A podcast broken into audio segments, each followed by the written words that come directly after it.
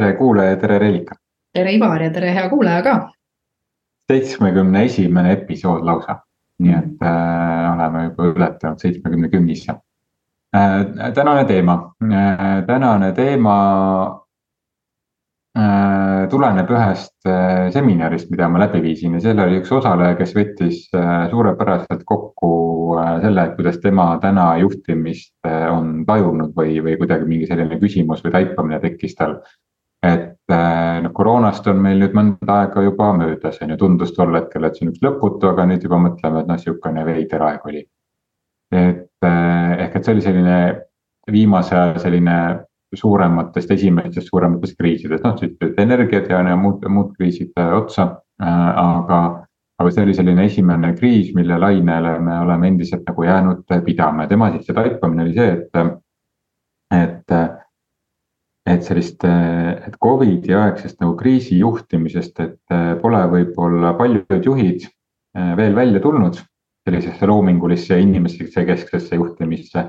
ja samamoodi need, kes on välja tulnud siis või välja tulemas sellest, siis töötajad ei taha tihti kaasa tulla, sest nad on harjunud juba sellega, et, et keegi kuskil otsustab, mismoodi tuleb asju teha ja nad ei taha oma seda vastutust enam tagasi võtta ja, ja minu arust oli nii tabavalt kuidagi kokku võetud äh, üks selline väga suur juhtimise väljakutse, millega me tihti silmitsi seisame, et, et kriisi ajal võtan selle juhtotsa enda kätte.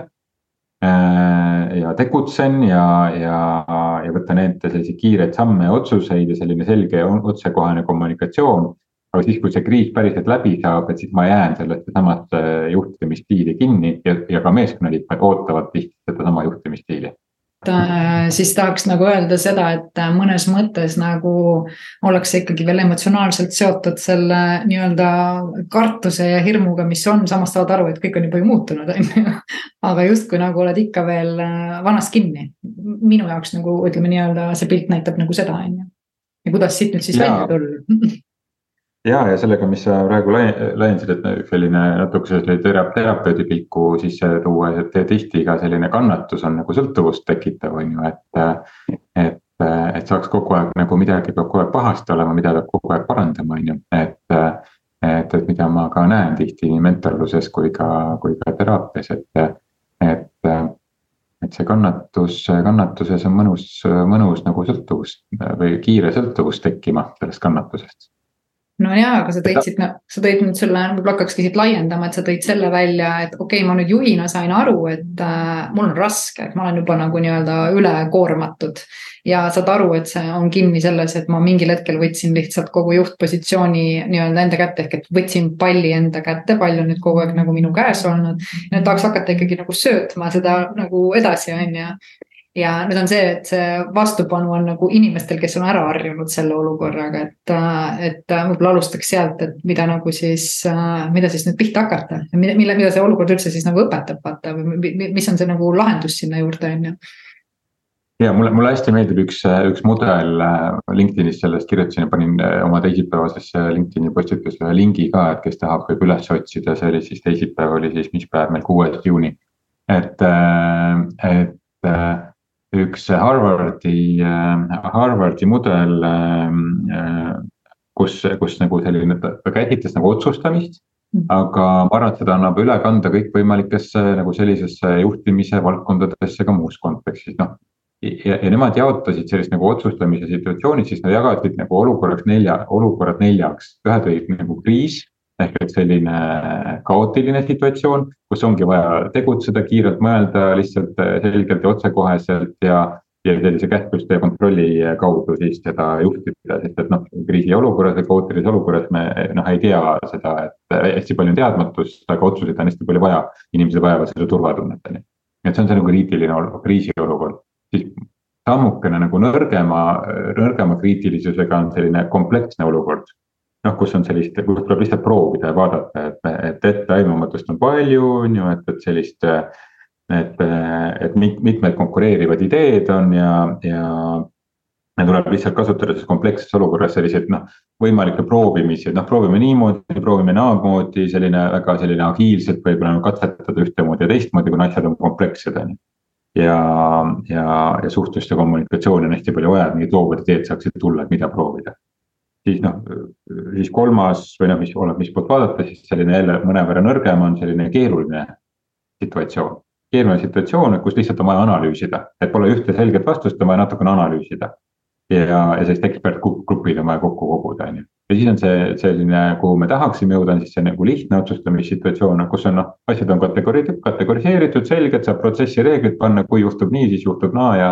siis me teeme seda, teist ja kolmandat, ehk et sellist juhtimist kui sellist ei ole vaja, vaid on mingisugused protsessi reeglid nagu paigas ja, ja elu toimub ise, on ju. Hmm. nii et noh, ka selles nagu kriisi ja kaootilises situatsioonis ongi olnud, et me hakkame nagu samm-sammu haaval nagu rahustama seda situatsiooni. et me, et me hakkame sellest kriisi juhtimisest, käskluste ja kontrolliga juhtimist tulema sellisesse komplekssemasse. kus on vaja siis nagu proovida erinevaid meetreid, lohme loomingulisust kasutada siis läbi selle me jõuame mingite teemade osas siis nagu sellisesse situatsiooni, kus meil saab analüüsi kaudu juba nagu õigeid vastuseid leida. kompleksses ei ole õigeid vastuseid, on lihtsalt erinevad mm. variandid, mis viivad erinevate tagajärgedeni. ja, ja sealt võib-olla suudame lõpuks äh, kuidagi automatiseerida või, või, või protsessi ära kirjeldada, on ju. aga, aga noh, keerulises, kompleksses ja kaootilises situatsioonis mingid protsessi reeglid nagu liiga hästi ei kehti, on ju, et seal need protseduurid väga enam ei aita. ehk et ja võib-olla ka selles juhtimises on vaja siis hakata nii-öelda sammhaaval tulema sellest nagu kaootilisest juhtimisest tagasi selle komplekssuse juurde. kus me hakkame inimesi kaasama, usaldame, räägime, arutleme, testime ühtemoodi, teistmoodi. ei ole õigeid ja valed äh, vastuseid, äh, testime ühtemoodi ja teistmoodi ja valede puhul nii-öelda, mis saame hiljem teada. siis analüüsime, et mida oleks saanud siis teistmoodi teha, et rahustame seda olukorda nagu veelgi maha, on ju.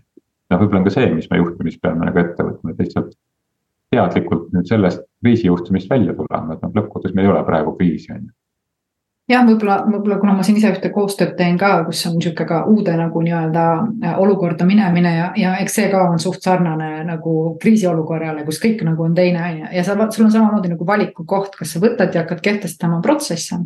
või sa tegelikult võtadki nüüd aja maha, lubadki natukene nagu tekkida teatavatel segadustel, aga nagu äh, kaasad teisi uute protsesside nagu loomiseks, mis aitab nagu nii-öelda kõigil äh, palju kergemini ja lihtsamalt neid asju teha, on ju.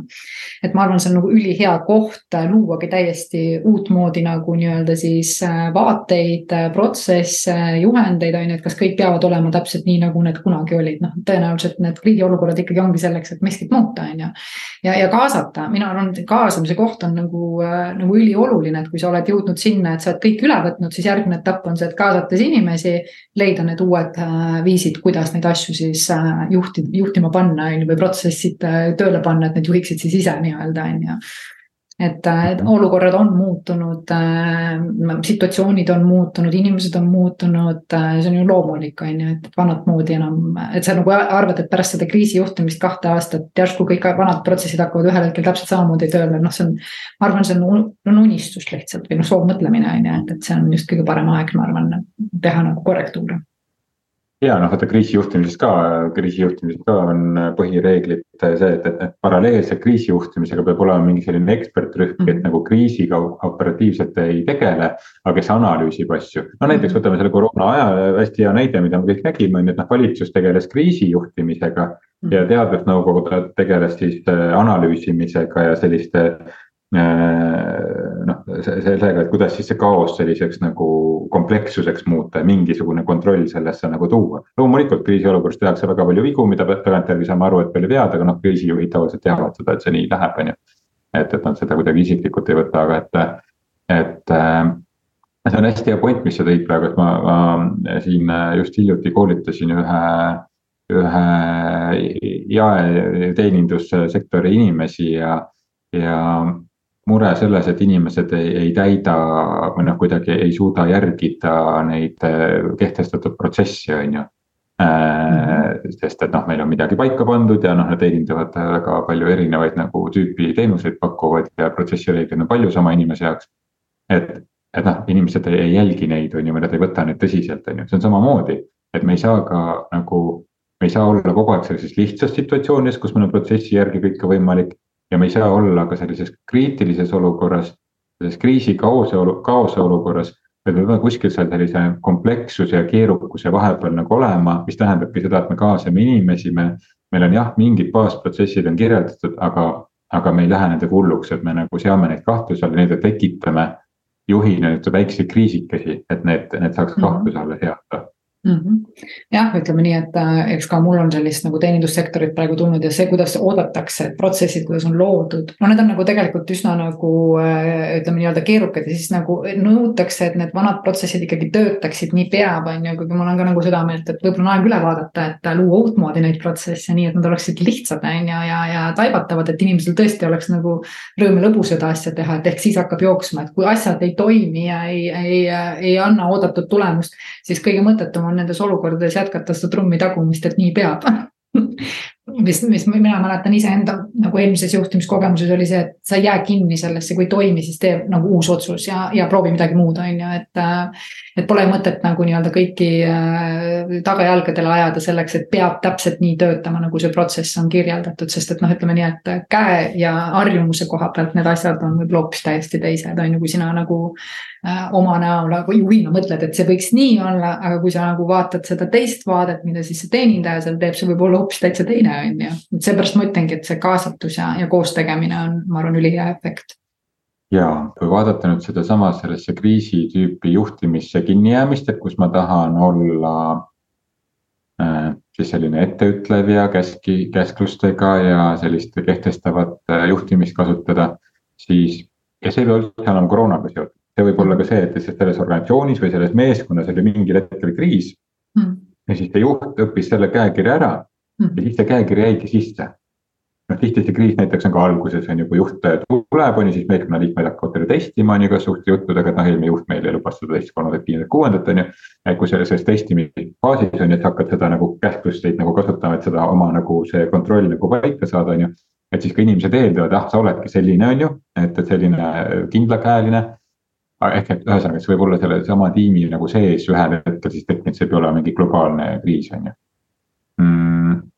Ja, aga kas ma nüüd julgen üldse nagu muuta seda, et, et anda seda vastutust ära, sest et see tegelikult on päris mugav ka, kui mina ütlen ja nemad teevad.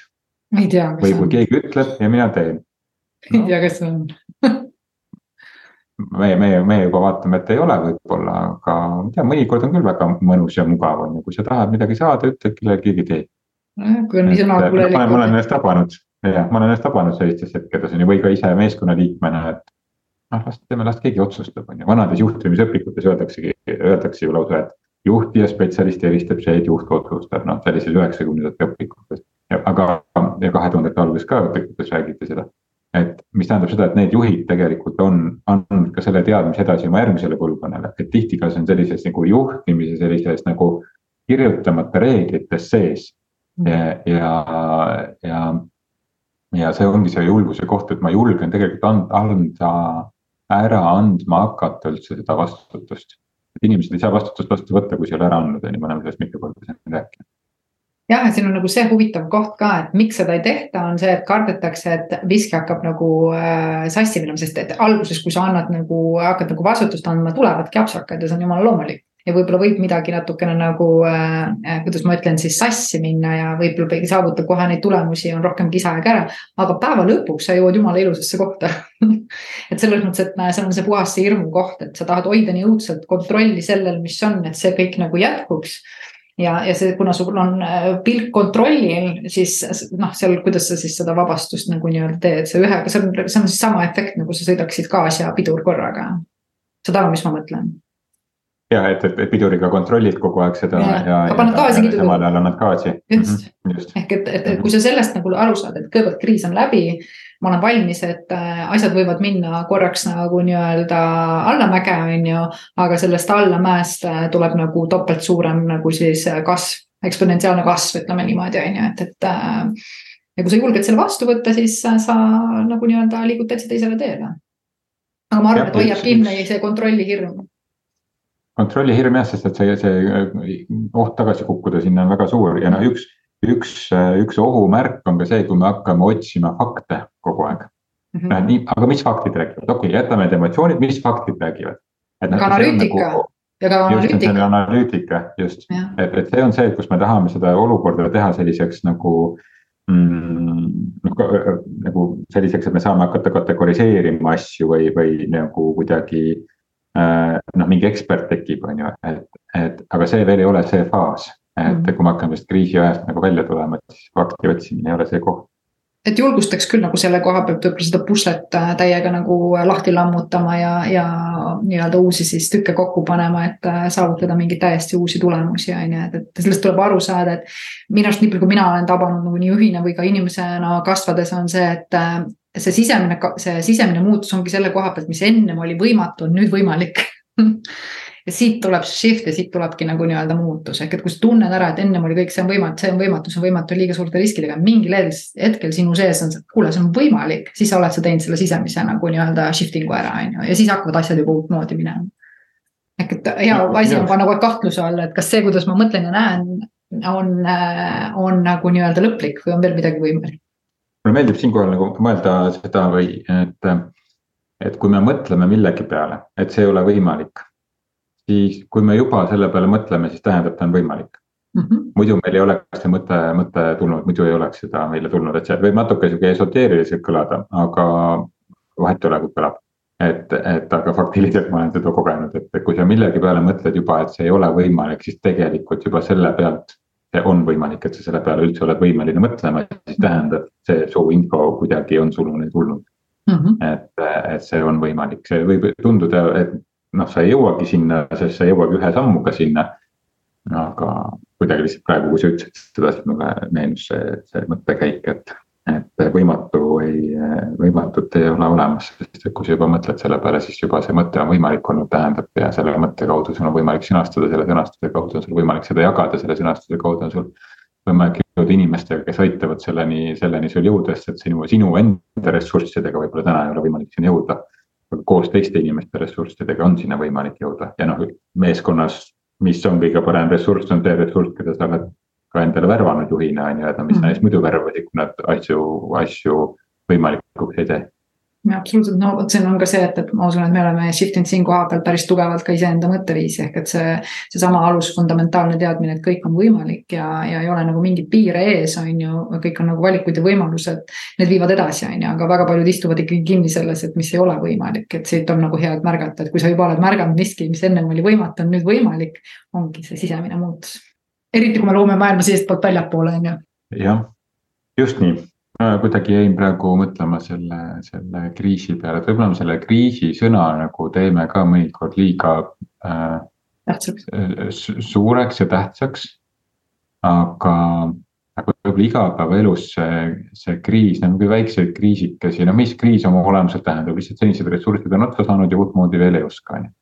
et noh, hästi lihtsustatud äh,. Aga sellised igapäevased situatsioonid mis meil, mis meile tekivad, et kas noh, kui väga nad on nagu kriisid, et nad on nagu lihtsalt midagi nüüd nagu muutus ja me ei suuda selle muutusega, me ei suuda nagu leppida sellega, et mingi olukord on nüüd muutunud. et, et noh, küsimus, ma ei tea, kas ongi nii palju nagu kriisis, vaid selles, et lihtsalt, et aktsepteerida seda, mis on ja nüüd vastavalt sellele tegutseda. -hmm. et mitte, sest et selles kriisis mulle tundub, et see nagu see, see, see energia või see mõte või see kõik jääb nagu kinni sellesse, et et me istumegi kinni sellepärast, et oh, asjad ei ole enam nii, nagu nad enne olid. et me tekitame selle kriisi tihti endale nagu suuremaks sellest nagu mõtteni, et asjad ei ole nii, nagu nad enne olid. no nad niikuinii ei ole ju. et, et noh, et, et, et nüüd on vaja nagu sellest uuest olukorrast lähtuda, loomulikult ei saa öelda, et kuidagi vähendada, et noh, ma ei tea. kellelgi juhtub mingi väga raske õnnetus, et noh, ei ole kriisi, on ju, et noh, rahune maha, on ju et, mm. et mõtle, kuidas, aga, aga noh, sisuliselt lõppkokkuvõttes noh, ongi ainult variant, et okei okay,, nüüd on selline info või nüüd on selline olukord, on ju. mis ma nüüd selles olukorras teen? mõtlemata liiga kaugele ka ette ja mõtlemata sellest, et noh, mida kõike enne oleks võinud teistmoodi teha, mulle kohati tundub, et see. see kriis tuleb nagu sellest, et me mõtleme liiga palju selle peale, mis kõik enne oli ja kuidas nüüd enam ei ole ja siis me istume seal augus kinni ja ongi kriis ja, ja siit on nagu huvitav seda ka vaadata, et tegelikult üks energia, kas sa nagu nii-öelda näed võimalusi ja liigud võimaluste suunas või sa püüad seda kogu aeg olemasolevat äh, olukorda muuta tagasi, nii nagu oli, ma arvan, see energia isegi võib-olla, et kulub rohkem sellele, kui sa tahad tagasi muuta kogu aeg, nii nagu harjumuspäraselt oli. et ma arvan, flow on see, kui sa ikkagi liigud kaasa nendega, mis, mis võimalused nagu nii-öelda veel on, mitte ei võitle nagu maailmaga, on ju. et. ja mul oli üks, üks, üks klient just, kes ütles, et ta on, ta on terve elu me rääkisime temaga natuke sellest tulevikuvisioonist, sellistest ma ei ole kunagi niimoodi nagu isegi kogenud, me natuke visualiseerisime ka sellist nagu tuleviku suunda, et noh, et, et noh, kuidas nagu tundub, et mis seal tulevikus on, on ju sinu, sinu elus on ju ja. sest ma ei ole kunagi niimoodi nagu mõelnud, ma olen kogu aeg ainult mineviku peale mõelnud, minevikus oli mul see pahasti ja see hästi, on ju. et, et et noh, tihti arvatakse ka, et noh, teraapia on see koht, kus ainult minevikuga tegeletakse, no me tegeleme selle minevikuga nii palju, kuni see takistab olevikus või tulevikku minevi-, olevikus olemist ja tulevikku minemist, on ju, et see niisama ei ole mõtet selle polada, on ju, kui seal midagi nagu. mingit takistust ei ole, on ju, et, et selle, selle eesmärk on ikkagi nagu tänasesse päeva tulla. aga see, see noh, nii huvitav, siis ma sealt hakkasingi nagu mõtlema, et kui, kui tihti me nagu oleme nagu kinni selles mingis mineviku mälestuses, mida enam ei kordu mm. -hmm ja, ja tavapäraselt see on tegelikult hästi nagu meie mõistuse töö on ju, et ta tahab viia sinna, mis oli äh, ja peamiselt nendele draamakohtadele on ju, ja, või siis järgmine koht on see, et mis võib tulla ja selle nagu nii-öelda siis just hirmu vaates on ju, et vähem ma ikkagi nagu mõeldakse ja visualiseeritakse seda, et äh, mida soovitakse, on ju. ja sellepärast inimene tunnebki, see tunne, mida sa tunned, mis sul on kehva, ongi puhtalt sellepärast, et sa, su mõtted on kuskil siin või seal, on ju et kui sa hakkad ikkagi nagu looma seda pilti, kuidas sa elada, elada soovid, mida sa kogeda soovid, siis su tunded muutuvad sees ikkagi hoopis, hoopis nagu teiseks on ju, minu arust tunne nagu ei valeta meile kunagi. Et äh, see tunne, mis sa nagu nii-öelda ikkagi kokkuvõtteks saad, on ju, et äh, ja noh, ütleme nii, et seesama see õnnetunne, millest ka palju räägitakse, on ju, inimesed arvavad, et see on ka mingi selline ekstaas, on ju, vau, ma pean nagu kisku hüppama nagu äh, lakke, on ju, aga tegelikult on see kergus lihtsalt, sul on hea olla, lihtsalt kerge olla, see on minu meelest kõige suurem õnnetunne üldse, on ju. Ma olen hästi nõus sinuga, sest et see, see ekstaas on samamoodi väsitav nagu siis teine, teine äärmus, et, et see mhm. võtab tohutult palju nagu jõudu, ehk et see, see, mida nagu ongi see nagu noh kergusega mm -hmm. elamine, ma mäletan, kui ma mingi kümme-viisteist aastat tagasi esimest korda keegi rääkis mulle, noh. ela kergusega, see tundub nagu kuule, tule maa peale tagasi, on ju. et aga, aga nüüd, kui sa kuidagi ise seal nagu oled, et mida see nagu tähendab, ei tähenda seda, et ma kogu aeg elan kergusega, kindlasti mitte. aga et, et vahe, vahepeal, kui sa sinna nagu suudad sellesse nagu, sellesse nagu minna. siis kuidagi asjad kulgevad ise oluliselt paremini kulgevad aga noh, täna mul on neid hetki juba nagu väga palju, aga võrreldes viisteist aastat tagasi, kui esimest korda seda kuulsin, ma mõtlesin küll, et tule, mine tööle, mis sa nüüd siin mingi ela kergusega ja õlju kerguses on ju, noh, et tule maa peale tagasi. see ei tähenda üldse seda. sa tegutsed kerguses sa tegutsed kergus, ei tähenda seda, et sa nüüd lihtsalt lohised mööda, mööda, mööda linna ringi ja, ja või ja, ja midagi ei tee, nii kerge on olla, on ju, et see on ikkagi see. see on raske vastupidi. just, see on raske. sa tegutsed ikkagi, sa lihtsalt ei ole sellised vaevad kogu aeg, et noh, midagi on nagu puudu, kõik minevikus oli hästi, ma üritan sedasama tagasi saada, on ju, et see, see mm, aga minu meelest see iseloomustab nagu seda, kui me oleme tulnud peast välja, et kõige, kõige raskem ongi meil olla see, kui me elame peas aga kui me tuleme nagu peast välja ja mõistame, et need on lihtsalt mõtted ja, ja otsustame, milliste mõtetega me kaasa läheme ja millistega mitte, noh siis meil tegelikult äh, muutub äh, väga paljud meie sees ja, ja üldse nagu maailma ja elu tajumises on ju, et äh, sa häälestud oma elus hoopis nagu ümber, sa hakkad elu nägema teistmoodi. sest kõik see on mõistuse töö ja inimene, mitte inimene ei juhi mõistust, vaid mõistus juhibki nagu põhimõtteliselt inimeste, kui sa vaatad sinna sisse, noh, ma käisin nagu üksipulki need läbi, siis sa saad aru, et need on lihtsalt mingid uskumused, mingisugused kogemused, mis, äh, mis lihtsalt nagu ka kogu aeg viskavad mingisuguseid ideid või mõtteid sulle nagu nii-öelda esile, on ju. ja siis ongi see küsimus, aga miks ma kogu aeg lähen nagu sinna suunda, et kuidas asjad võivad kehvemaks minna, et aga miks, mis siis, kui hoopis läheb hästi et, äh, et see on nii huvitav lihtsalt see on hästi äh, hea koht, kus sa jõudsid tagasi, jõudsime ringiga sinna, et see asi on otsuses. et kas ma lasen mingil mõtetel minna, et, et ma nagu teadliku, teadlik osa minust teeb selle otsuse, et ma vaata ei lähe selle mõttega nüüd mm. kaasa, on ju, vanasti läksin kaasa, noh, seal kõigega, mis seal siis oli või, või saab kehvasti minna, nüüd enam ei lähe. mis see otsuste, ehk me jõuame tagasi sedasama selle kriisi, kriisi juurde, kus ma tsiteerisin seda Harvardi seda otsustamise mudelit mm ehk et samamoodi ma otsustan ka seda, et kas see, mida ma oma peas kujutlen praegu, on see kriis. või ma otsustan, et ma nüüd hakkan juhtima seda kriisi sellise komplekssuse suunas mm, -hmm. kus ma lihtsalt proovin, vaatan, kuidas elu läheb mm. -hmm. ja, ja hakkan nii-öelda rahustama seda kriisi enda peas, on ju, ehk et see, see kriisi juhtimine tihti ka kriisi juhtimist õpetatakse nii-öelda väljapoole, noh, kuidas juhid peavad kriisi juhtima, aga tegelikult see on iseenda sisemiste kriiside, kuidas ma ise oma mõtete, mõtetega ennast kriisi ajan, on ju. nii et noh, jõudsime ikka tagasi selle otsustamise juurde. absoluutselt, valik ja otsus, need on nagu kaks, ma arvan, kõige olulisemat äh, tööriista ühe inimese nagu nii-öelda elus on ju, et mis iganes seal nii-öelda toimub, on ju. ja no küsimus on siis juba omakorda, kuidas seda valikut ja otsustamisjulgust nagu kasvatada, aga see on juba järgmiste kordade teema ja seniks saad nagu juhina mõelda selle peale, et kui sa tajud ära kriisi, siis kaua sa selle emotsiooniga seal küljes nagu nii-öelda oled või sa teed valiku ja otsustad sellest nüüd nagu nii-öelda välja astuda ja, ja valida midagi muud. jah, alati on valik, muuta ja. olukorda või muuta suhtumist, kolmas on ka, ohvriks saab ka jääda, kui tahab. ja võib-olla on veel mingid valikud, mis veel võimalik on. Mida veel saab valida jah, pole veel tulnud pähe midagi, mis on võimatu või võimalik selles osas. no,. see ongi nagu huvitav, et pea ei suudagi väga tihti meile asju välja nagu nii-öelda nuputada, sest et ta kasutab kogu aeg seda infot, mis me oleme kogenud ja loob kogu aeg seoseid, on ju, et siin ongi nagu huvitav inspiratsioon on see, kus hakkavad tulema uued loovad nagu nii-öelda ideed ja mõtted, et mõtle ise, kui sa oled olnud inspireeritud millestki sa lähed voolama, on ju, sa nagu hakkad nägema asju ja, ja tunnetama ja see info tuleb nagu hoopis kuskilt mujalt, mida sul siis mõistus suudab sulle seletada, on ju, ja, ja nagu nii-öelda, mida sa suudad siis tõlkida lõppkokkuvõtteks. et kui ilus elu ja ilus tulevik on nagu inspireeriv, noh, küllap siis sealt ka tuleb ägedaid asju. Tahaks täna siia lõppu soovida, et elagem kergusega. Oh,. aitäh, sulle ka. See on hea soov.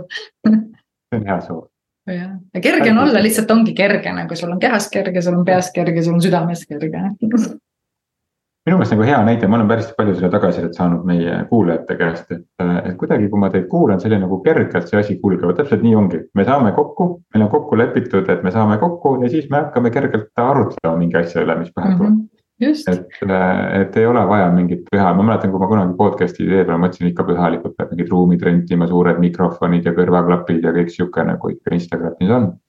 et kõik selle peab rentima ja ikka nagu teemat tuleb ette valmistada kogu aeg ja uurida ja lugeda kõik maailma läbi on ju kogu aeg.